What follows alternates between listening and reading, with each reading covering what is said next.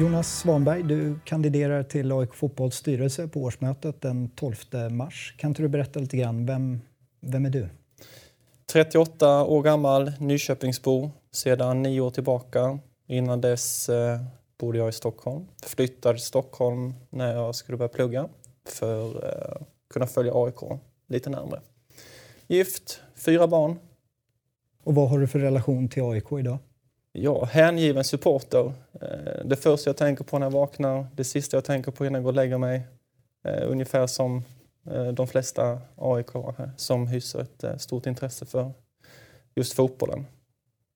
Men dialekten avslöjar att du är inte uppvuxen på Norrmalm eller så? Utan det, det är nej, någonstans nej, nej. En liten blygsam by i nordöstra hörnet av Skåne som heter Vittsjö. Mm. Eh, 2000 invånare, så jag valde att fly ganska så snabbt. Och hur kommer det sig att man blir aik när man bor i nordvästra Skåne?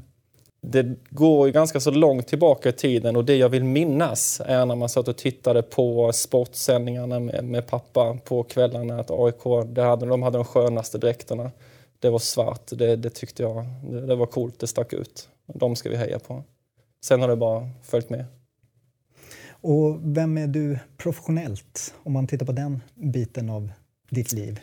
Eh, just nu så är eh, jag VD för ett hotell i Nyköping samt eh, tre stycken fastighetsbolag. Jag sitter även med i några bolagsstyrelser.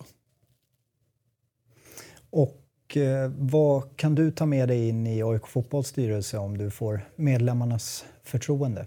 I och med att jag har den här bakgrunden att jag är VD, jag sitter i styrelse som det är idag så har jag ganska så god insyn i vilka situationer och svårigheter man ställs för eh, i ett företag. Och eh, jag är inblandad i företag som är i AIKs storlek. Och hur ser du på, på styrelsearbete? Vad, vad är styrelseledamotens viktigaste uppgift? Det är att skapa en tydlighet för organisationen, skapa strategier som eh, man ska följa. Och det, det, är lätt sagt att man ska skapa en strategi. Eh, det svåra är ju att följa den. Oftast blir en strategi en skrivbordsprodukt som hamnar överst in i en byrålåda och man känner sig ganska så nöjd med det. Att det stannar där att nu har vi en strategi men oftast så behöver organisationer och företag bli skickligare i hur man följer de här strategierna. Delmål, vad händer efter ett år? Vad ska vi vara då? Var ska vi vara efter tre år? Så att man inte efter tre år drabbas av panik och inser att herregud, vi kommer inte vara där vi skulle vara om fem år. Varför är vi inte där? Där är jag ganska så kompromisslös i mitt eh, engagemang i form av uppföljning man ska följa delmålen, annars brakar det mot slutet. Om vi tittar på, på din erfarenhet från föreningslivet, har du något sånt tidigare engagemang? Nej, det har jag inte. Och hur ser du på det? Blir det en, en svaghet för dig och, om du skulle få medlemmarnas förtroende och går in i en... Nej, det tror jag inte. För att eh, en styrelse ska ju bestå av olika kompetenser med olika bakgrund och olika huvudområden. Eh, och jag vet med mig att eh, i den styrelsen som eh, kanske röstas fram så finns den kompetensen. Och där är jag väldigt glad att den finns för då kan jag ta del av den och lära mig av den. Men det är inte min specialistkunskap. Om vi går in på, på den specialistkunskapen, varför ska man välja in dig i styrelsen? Vad, vad är dina styrkor? Vad kan du bidra med?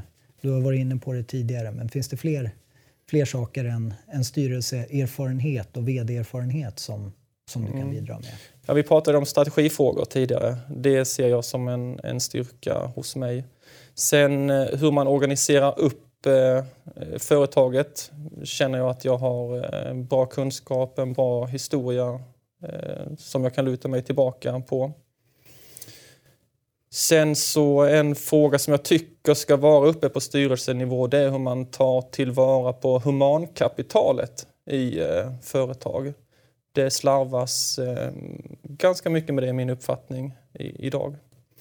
Och då menar jag att eh, hur tar man tillvara på medarbetarnas eh, kompetens. Hur ser vi dem? Hur lyssnar vi på dem? Hur får vi dem att växa inom organisationen? För det gynnar ju företaget på lång sikt att behålla duktiga medarbetare och få dem att växa tillsammans med företaget. Om vi stannar lite vid den frågan och jag får ställa hur ska AIK då göra för att, att lyckas med det och bli den attraktiva arbetsgivaren och som lyckas med, med just de sakerna du sa? Eh, här måste jag göra en passus. Det är ganska så svårt för mig att säga här och nu i och med att jag inte har eh, inblick i AIK på, Eh, på det sättet just nu. Men jag kan väl säga så här att alla människor vill ju bli sedda, hörda, lyssnade på och bekräftade. Det är då vi fungerar som bäst. Lyckas vi skapa en organisation där vi ser våra medarbetare, låter dem växa, ger dem förtroende och framförallt återkoppling, då tror jag att man kommer en lång och bra bit på väg. Hur eh, ser du på, på det faktum att AIK är en medlemsorganisation och vi har väldigt många medlemmar som alla brinner för det här och tycker och tänker väldigt mycket och vill ha mycket dialog och kommunikation. Hur ser du på den utmaningen som kanske är lite annorlunda än, än det du har i, i dina andra styrelseuppdrag? Nej, men det är ju fantastiskt att kanske få möjligheten att jobba inom en organisation som väcker så otroligt mycket känslor. Sen så blir det en utmaning att se till så att alla blir nöjda. Men viktigt för mig är att alla ska få del av samma information och känna sig delaktiga i det vi håller på med. Om vi tittar framåt lite grann i, i tiden. Vad, vad, har du för visioner med AIK? Vad vill du att man ska vara om, säg fem år? Fem år. Då kommer vi in till det här med strategin. Då måste vi dela upp det i delmål för hur vi ska nå dit eh, det, det femte året. Under den här femårsperioden har vi vunnit tre SM-guld. Vi har gått om Bayern i publikligan. Vi är den klubben som har ökat marknadsintäkterna mest procentuellt sett under perioden. Som styrelseledamot, som var inne på i en medlemsstyrd organisation, så är man ju väldigt påpassad. Så med familj och jobb och styrelseuppdrag så kan man fråga sig varför? Varför kandiderar du till AIK fotbollsstyrelse? Nej, men det är ju en möjlighet att få vara med och påverka eh, det finaste som finns, kan jag tycka.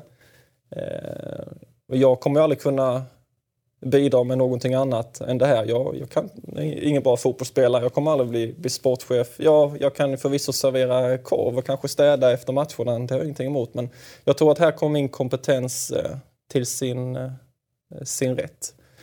Sen så vill jag ju såklart att eh, mina barn ska få vara med om samma fantastiska minnen tillsammans med AIK som jag själv har varit och såklart att få vara med och påverka det. Det skulle vara fantastiskt. Och sen slutligen, vi pratade ju lite grann här innan vi satte igång så då måste jag ställa den frågan. Vem är din favoritspelare i AIK genom tiderna? Mats Rubart, utan tvekan. Och det tycker jag är härligt för det är min också. eh, Jonas Svanberg, eh, tack för att du tog dig hit. Vi ses på årsmötet den 12 mars. Det ser jag fram emot. Tack själv.